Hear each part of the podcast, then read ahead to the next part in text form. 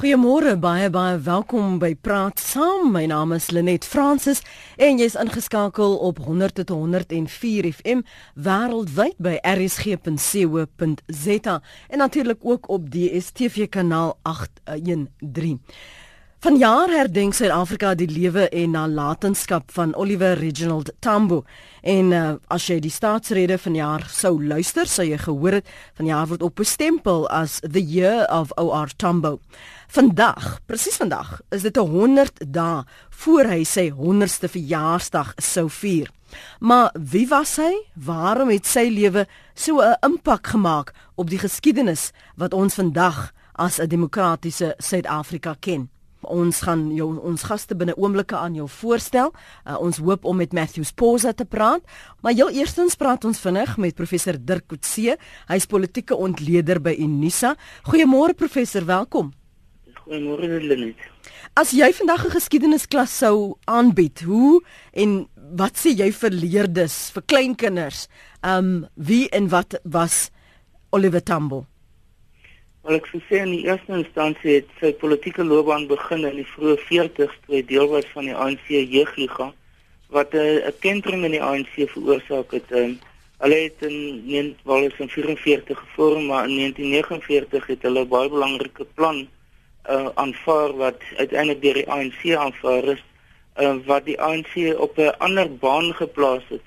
Um, as tot op daardie stadium 'n meer aktivistiese een, een wat wegbeweeg van um, amper 'n soort van 'n liberale benadering van petisies en en ministers gaan probeer van hulle saak na een wat meer uh, aktivisties van aard was.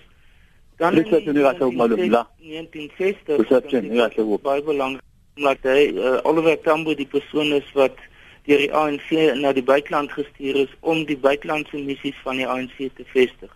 Ehm um, en dit was as gevolg van die die krisis wat ontstaan het ehm um, as gevolg van die Trivonia ehm uh, verhoor wat die hele topstruktuur van die ANC ehm um, en die meeste van die kommunistiese party ook eintlik verwyder het. Ehm um, natuurlik Nelson Mandela, Walter Sisulu, Governor Mbeki, hmm. Amit Kasrade en ander.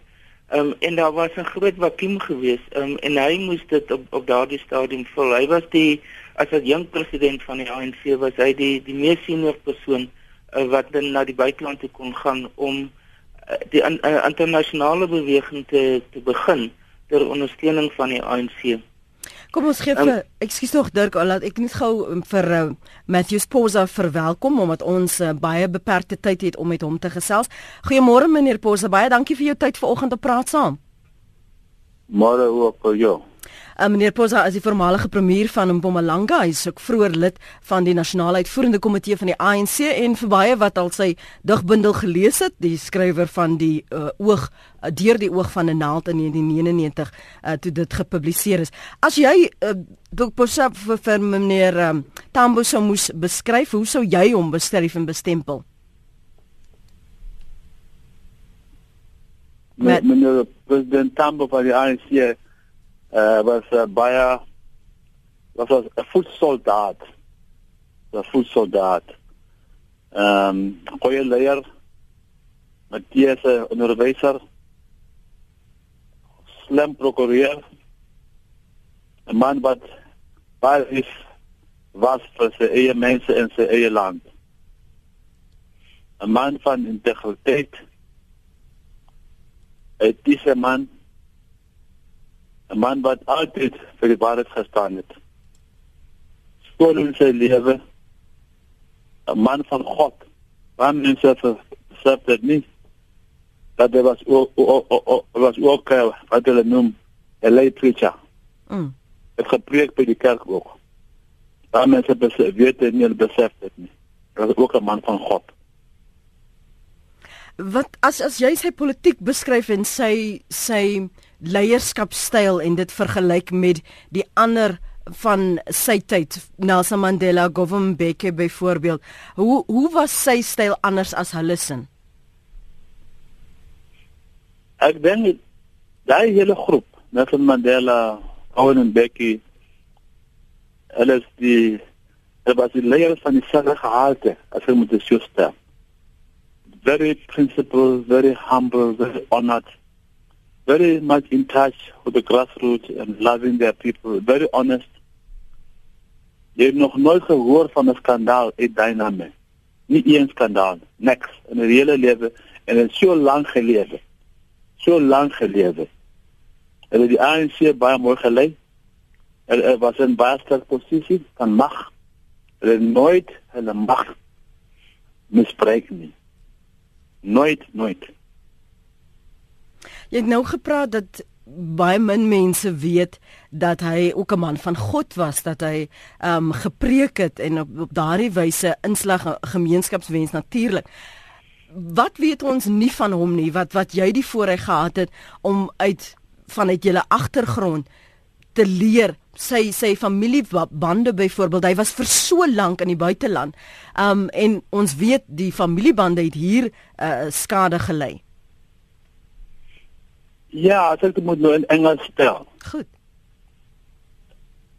You you respect a guy like him who leaves his country for 30 years to promote a cause of justice and freedom to convince the world that apartheid is wrong that it has to change for the better of both black and white and for South Africa and for the future of our children.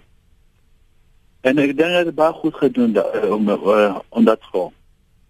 The man who had a family and had to maintain a family, moving between London and Lusaka and the various capital of the world, but never having enough time for his family, but more for his people, for the future of South Africa.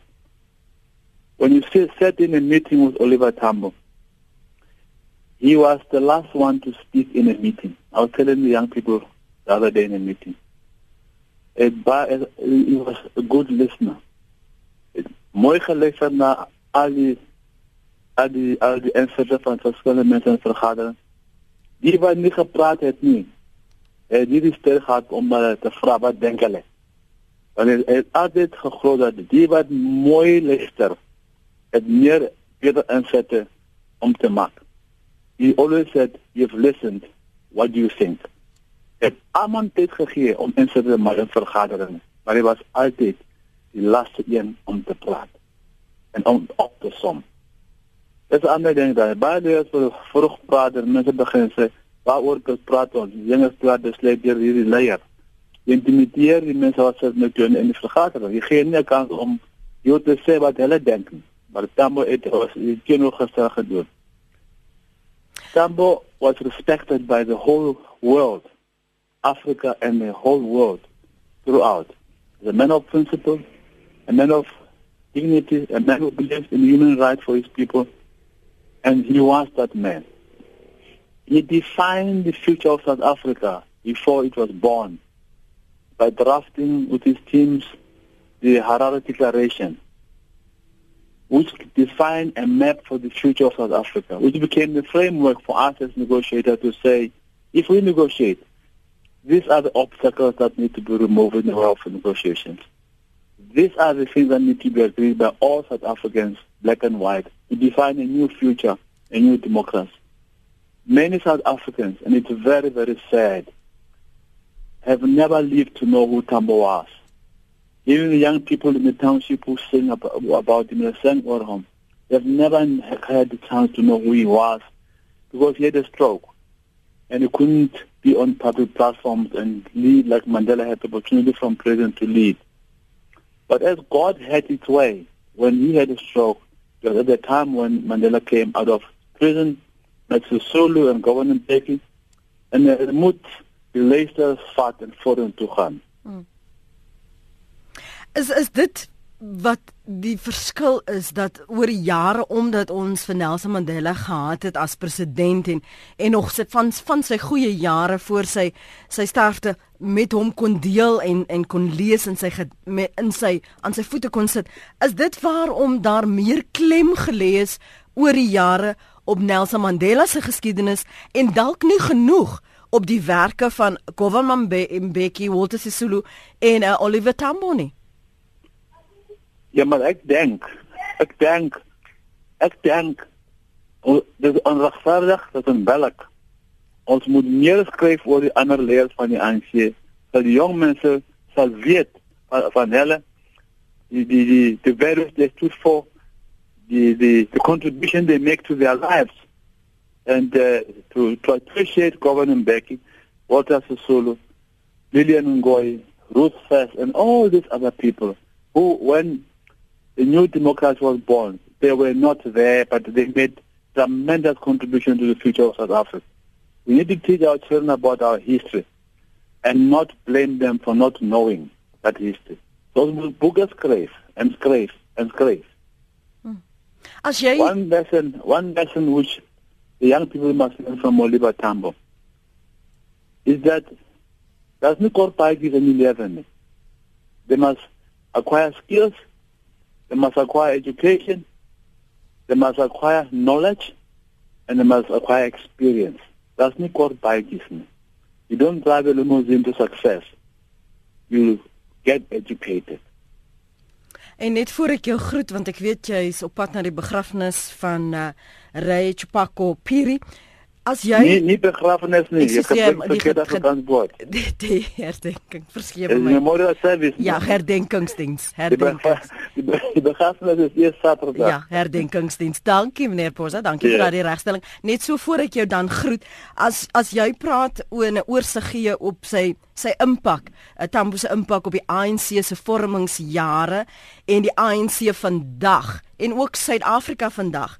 Wat dink jy sou sy terugvoer wees oor die pad wat ons gestap het, veral die pad wat die ANC gestap het tot waar hulle vandag is?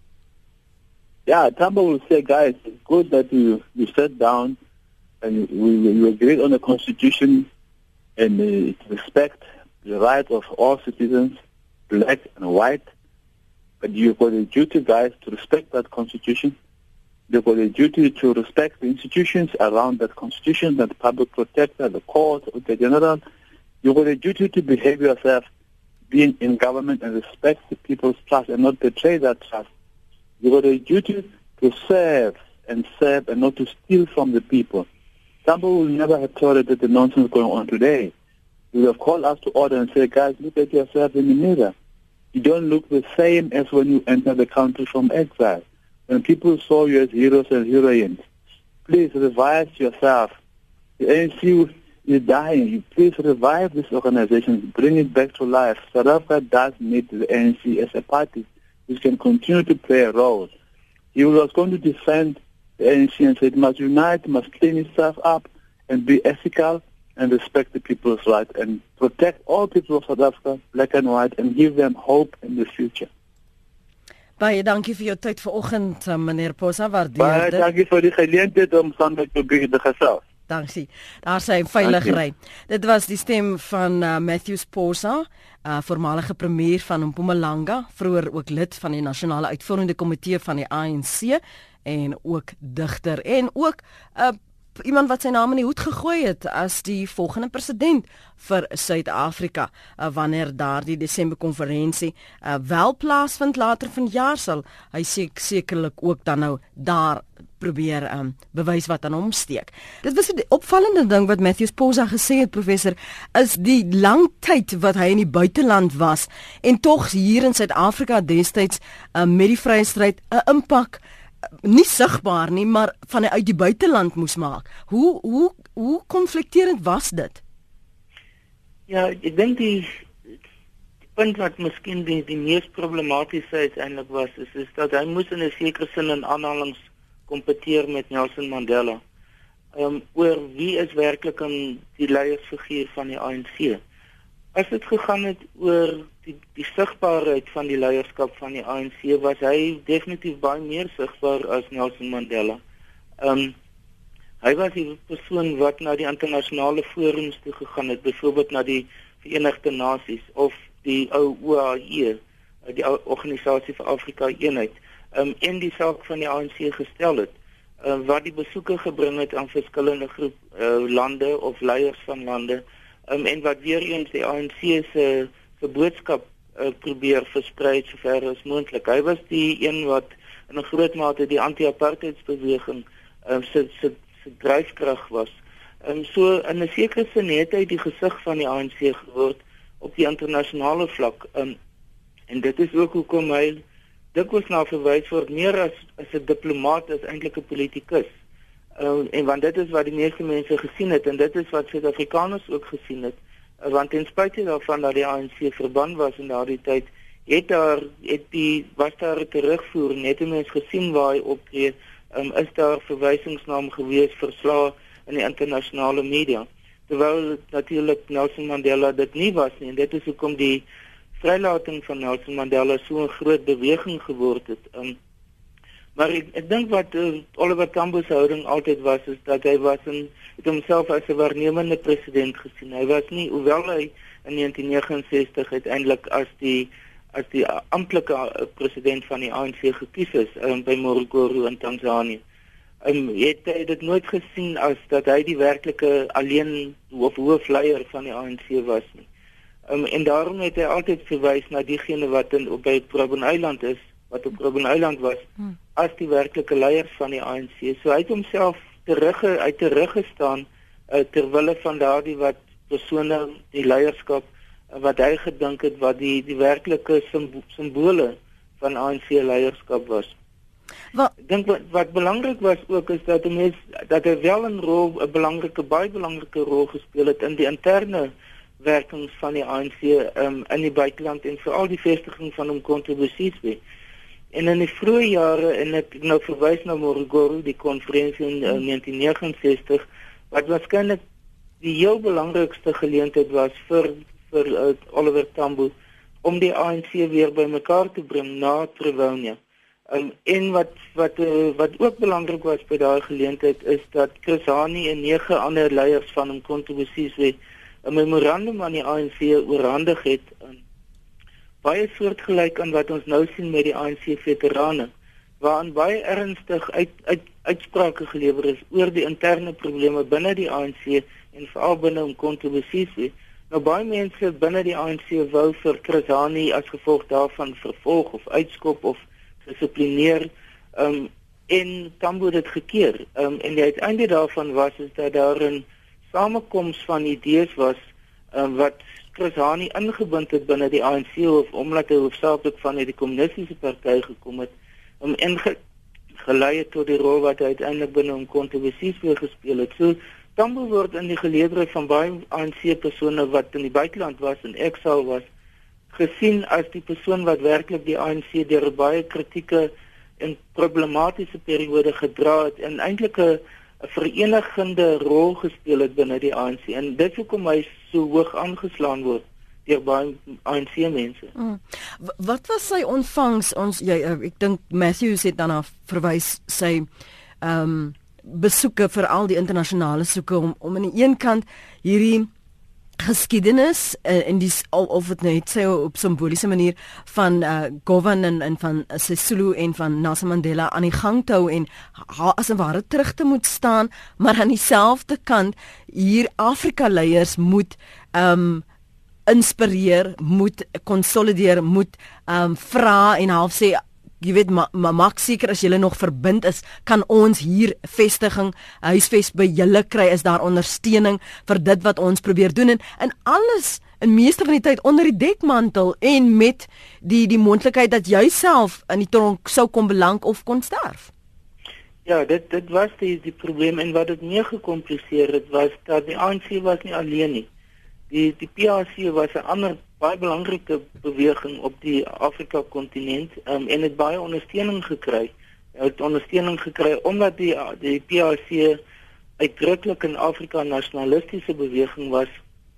Het hulle baie aanklank gevind in in lande soos byvoorbeeld Tanzanië by Julius Nyerere, uh, baie in Libië, Gaddafi het hulle baie uitdruklik ondersteun. Um en in in ander lande ook. Uh, hulle het ondersteuning gekry vanuit China terwyl die ANC ondersteuning gekry het vanuit die die Sowjetunie. So byvoorbeeld die PAC was in in Zimbabwe baie meer gewild as wat die ANC was. As 'n mens voor 1990 byvoorbeeld in Harare in die strate geloop het, was PAC publikasies vrylik beskikbaar geweest terwyl die ANC se nie dit was nie. So Tambo moes ook die ANC die die Afrika leiers oortuig van die ANC se saak. Daar was baie mense wat skepties was oor die ANC nie net as gevolg van sy koneksie met die Sowjetunie nie en dit was nou natuurlik in die tyd van die van die koue oorlog wat hierdie verdelings baie meer ideologies van aard was maar ook die feit dat die ANC op daardie stadium begin het met 'n beleid van nie rassigheid en met samewerking met veral met die kommunistiese party. Baie Afrika leiers was baie sterk gekant daarteë gewees. Um as mens kyk na na baie lande het die kommunistiese party wat deel was van die bevryding van daardie lande onmiddellik na onafhanklikwording as verbied deur die bevrydingsbewegings. So daar daar was baie skeptisisme gewees oor die die benadering wat die ANC gevolg het die feit dat daar soveel wit persone binne die ANC was, die kommunistiese party en kontroversies wie mense soos Joe Slovo, hmm. um, en en Ronnie Castro en baie ander, um, en dat die die Afrika lande dit nie noodwendig as as as aanvaar het as die as die rigting waarna die ANC moet beweeg nie. Internasionaal was die probleem of verder internasionaal was die probleem natuurlik weer eens binne die konteks van die Koue Oorlog dat die ANC gesien is as 'n as gesetel binne die die Sowjetblok. Ehm um, en dat hulle dit eintlik in nie gesien is as deel van die van die westerse lande nie. Lande soos uh, byvoorbeeld die, Verenigde Koninkryk, Brittanje en die VSA vir altyd in die tyd van Margaret Thatcher en en Ronald Reagan wou nie vir Oliver Tambo aanvaar nie. Ehm um, en nie met gesprekke hê nie. Uiteindelik het Margaret Thatcher ontmoet, maar nie Ronald Reagan nie. Um, as gevolg van hierdie koue oorlog uh, konnotasies. So dit dit was vir hom baie moeilik geweest. Die ANC het natuurlik baie makliker in die Oosbloklande gefunksioneer um, en ondersteuning ook gekry, maar nie soveel van die westerse lande nie. Ten spyte van die feit dat daar anti-apartheidsbewegings was in in die meeste Wes-Europese lande. Daar was 'n punt wat Matthews Posa gemaak het Dirk oor oor sy leierskap. 'n Man wat gesê het luister en vir almal eers geleentheid gegee het om te luister voordat hy 'n mening gegee het. Wat het sy leierskapstyl anders gemaak as byvoorbeeld uh, Nelson Mandela, jy het net nou genoem, Nelson Mandela word meer beskou as die diplomaat terwyl Tambo as 'n politikus gesien word. Ja, maar dis ek dink dit is eintlik andersom dat uh, dat Eh, Tambo was meer die, die diplomaat in die internasionale figuur gewees. Ehm um, die die groot verskil en ons het 2 dae gelede het ons hierdie boek bekendstelling gehad van uh, Raymond Sattner se jongste opgedateerde boek. En hy het met met uh, Nelson Mandela baie nou saamgewerk in die vroeë 90s. En hy hy het ook na hierdie punt verwys en um, dit wat wat hy gesê het was interessant en dit is dat um, Nelson Mandela amper soos 'n bokser opgetree het dat as hy met mense in in vergaderings binne die ANC was, um, het hy sy standpunte probeer verdedig en dit probeer op 'n baie uh sterk manier oorbring. Um, en jy as jy 'n teenstandpunt gehad het of 'n ander standpunt gehad het, dan moes jy met hom in 'n sekere sin geveg het um, om om te oortuig daarvan. Terwyl Oliver Tambo soos uh, wat my gespoorde gesê het, is meer 'n persoon gewees wat konsulterend van aard was wat geluister het wat probeer agterkom met wat ander mense dink um, en dit was dis 'n baie langer proses en hy het nie sy standpunt altyd reg in die begin gestel nie. Um, dis iets wat mense nou sien in sommige leiers wat na die tyd gekom het. Ek dink die die persoon wat gesien word as die belangrikste produk van die die Tambo tradisie is uh, president Mbeki. Um, en hy was gesien as as as Tambo as as sy mentor vir baie lank. Um, en ek was self in 'n situasie gewees waar um, in die in die kabinetsvergaderings waar uh, dit presies is hoe president Mbeki dit gedoen het. Um, 'n um, ander persoon wat dit ook baie um, gedoen het is um, Galeme Motlanthe wat ANC sekretaris-generaal en later as jong president was. Uh, wat baie dieselfde tipe van benadering volg en ek dink hulle is beïnvloed deur sy benadering tot dit. So daar is daar is 'n groot verskil. President Mandela was soms, I mean, dit al word hy baie geëer vir wat hy doen, was soms effe autokraties geweest in sy benadering. Hm. Ehm um, hy wou as hy 'n standpunt gehad het, was dit baie moeilik um, om hom te te weg te neem of sy standpunt te verander terwyl Oliver Tambo nie dieselfde was nie.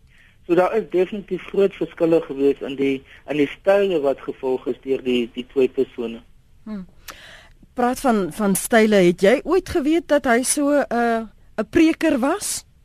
soos wat ja, Matthew sê. Um, nee, dit is bekend dat dat Oliver Tambo so wat 'n baie um, godsdienstige persoon, hy was uh, hy en sy familie se vrou um, dat is wat definitief ge, geag as as persone wat baie ehm um, Christelik um, georiënteerd was. So dit dit is iets wat baie bekend is binne die ANC.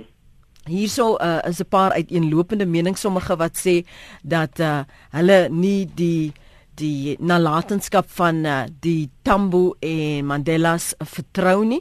Uh Vivian daar op Eerste Rivier, hy sê hulle behoort hulle te skaam. Uh, ekskuus, hy skie jammer Vivian, ek lê woorde in jou mond. Hy sê die ANC behoort hulle te skaam en ek haal aan, hulle gooi die name van struggle icons voor, maar nie een doen en lewe soos Oliver Tambo of Madiba nie. Hulle behoort hulle te skaam. Sou daardie ikone soos vandag 'n leier verdedig het wat so korrup is soos Zuma en Kie, die familie van hierdie icons, moet hulle sommer verbied om hulle name so te wil misbruik vir eie gewin, maar dan nie optree soos 'n Madiba of 'n Tambo nie. Um asseblief sê vir ons op watter ouderdom hy oorlede is, ja, en verder geskiedenis van die lughawe en so aan. Miskien net praat oor sy siekte, uh, omdat baie min weet waarom hy so stil was en waarom Nelson Mandela destyds so op die voorgrond geplaas is um na sy vrylater, professor. Ja, ehm um, wel soos ek vroeër genoem het, het die wat hulle genoem het die Release Mandela kampanje het in die 1980s een van die hoofveldtogte geword van die internasionale um, anti-apartheidsbeweging en van die ANC self ook. En dit het natuurlik president Zuma ag eh, president Mandela um, die die mees prominente figuur gemaak en in die proses het Tambo se profiel ook baie agteruit gegaan as ek dit so kan negatief stel Uh, maar dit was eintlik dat uh, die die Mandela ikoon het vir die ANC baie belangrik geword in terme van hoe hulle hulle self wil voorstel vir 'n post-apartheid uh, bedeling. Hmm. Terselfdertyd het um, het Oliver Tambo siek geword in in terwyl hy in in Lusaka was. Ehm um, en het het 'n beroerte gekry en is hy uiteindelik in in Swede vir baie lank gewees waar hy mediese behandeling gekry het maar dit het die die beroerte het hom in 'n groot mate verlam, fisies verlam. Um, wat beteken dat hy eintlik in 'n groot mate nie meer kon aangaan uh, met 'n aktiewe politieke loopbaan nie. Ehm um, na sy vrylating het Nelson Mandela hom in in Swede ontmoet. Ehm um, en ek dink daar het hulle begin om 'n bedeling uit te werk van wat die tussen hulle twee sou wees. Maar die die houding van Tambo was veral as gevolg van sy gesondheids situasie dat hy nie meer 'n prominente rol kon speel nie.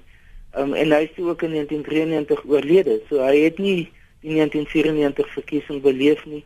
Um, hy het ook nie werklik meer kon aktief deelneem aan ANC aktiwiteite soos byvoorbeeld die onderhandelingsproses rondom 1993 um, of die die 1991 nasionale konferensie van die ANC nie. So hy is nie gekies daar hmm. of herkies in 'n prominente posisie as president of as een president of of enige van daardie posisies nie. So ek dink na na sy siek na sy siekte, ehm um, het hy eintlik het dit eintlik saamgeval met die natuurlike opkoms van president Mandela ook.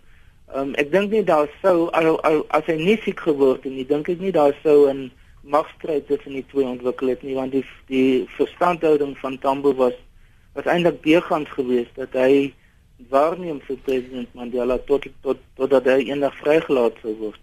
Hoe skep jy ruimte veral in daardie uh, uh, vormingsjare van die ANC en toe baie in exile was en sommige in die tronk. Hoe skep jy ruimte vir al hierdie figure, 'n Nelson Mandela, 'n Walter Sisulu, 'n Govan Mbeki, 'n Oliver Tambo terwyl jy 'n land probeer bevry. Hoe, hoe skep jy ruimte vir almal se persoonlikhede, se ideologie, um en dat die egos nie in die pad staan nie, professor? Ja, dit is van buite. Ek dink as mense nou ter daaroor praat, dan word dit in 'n sekere sin baie meer romanties voorgestel as wat dit toe was. Um daar was probleme tussen hulle gewees. Daar was byvoorbeeld en dis een aspek wat wat ons nog nie oor gepraat het nie is die rol van Oliver Tambo in die onderhandelingsproses of die voorbereiding vir die onderhandelingsproses um, want hy het in 1984 reeds um, 'n onderhandelingskomitee binne die ANC gevorm onder leiding van Paulo Jordan um, en Stuart uh, James Stewart en ander en en later 'n grondwetlike komitee onder voorsitterskap van Jack Simons en Zola Squia en Job Jowadwana en ander um, voor die onwerklike onderhandelinge begin het. Toe president Mandela en, en terwyl hy nog in die tronk was begin onderhandel um, met uh, minister Kobie Kutsie en met die die hoof van die gevangenisdiens en met meneer Fani van der Merwe en ander um, en dat die probleem wat toe ontstaan het is um, is die kommunikasie tussen die ANC en Lusaka en president Mandela in die tronk Um, en die gevolg was is dat hulle operation my woe uh, operation woela gebruik het waarin Magma Rush die sentrale figuur was om 'n kommunikasiekanaal tussen hulle twee te skep. Um sodat dit nie in isolasie plaasvind nie. En maar terselfdertyd was byvoorbeeld Governor Mbeki was was natuurlik ook deel daarvan gewees en hy was 100% gekant teen die onderhandelingsproses. En dit het baie sterk baie spanning veroorsaak tussen President Mandela en Governor Mbeki aan die een kant en um, en terselfdertyd ook Oliver Tambo want daar was nie noodwendig altyd sekerheid in watter rigting Mandela aan die tronk besig is om te praat met die met die regering van toe nie. Mm. So dit dit was nie noodwendig 'n maklike situasie gewees nie. Die die persoon wat in 'n sekere sin in die agtergrond was die hele tyd was Walter Sisulu. Um, hy was duidelik meer van 'n mentorfiguur gewees selfs vir vir president Mandela. Um, weet nie duidelike politieke aspirasies gehad om in 'n posisie te wees nie. Maar toe in 1991 toe daar 'n 'n krisis binne die ANC ontstaan het oor wie gaan die nuwe adjunkpresident wees onder president Mandela binne die ANC. En dit uh, Chris Hani versus Thabo Mbeki was toe is die kompromiekandidaat wat toe aangewys was was Walter Sisulu as adjunkpresident en nie een van die twee nie.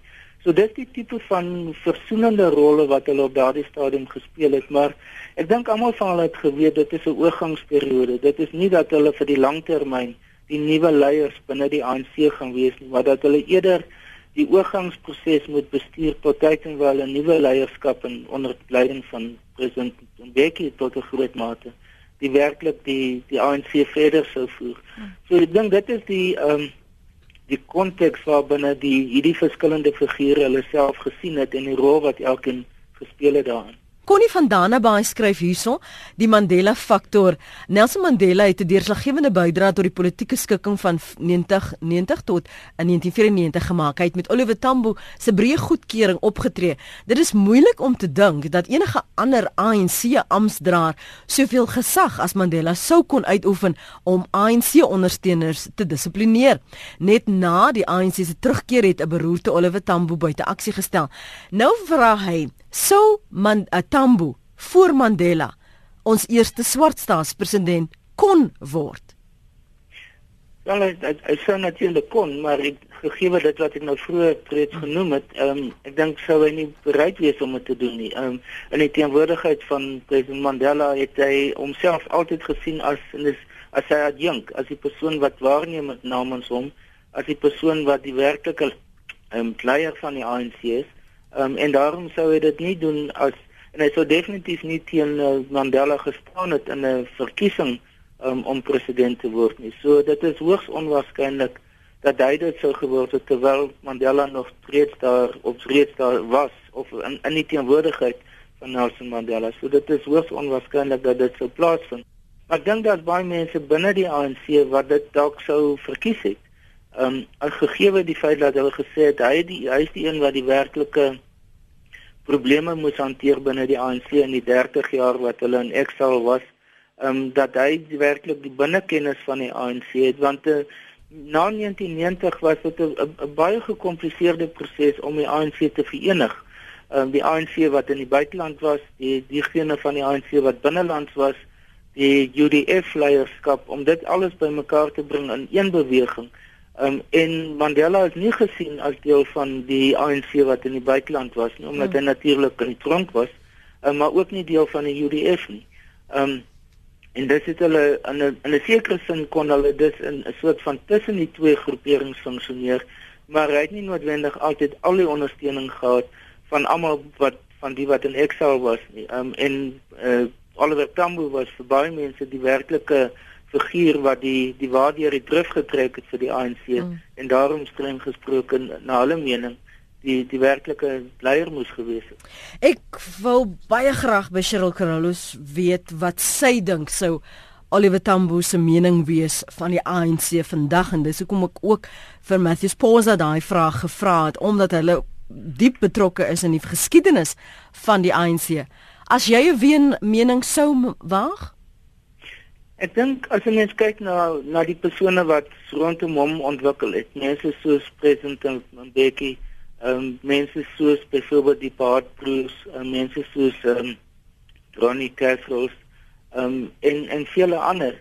Uh, baie van hulle is nou of hoogs krities teenoor die ANC selfs dat hy die ANC uitbeweeg sommige of het deel geword van hierdie sogenaamde 101 veterane waarvan Cheryl Carolus een is.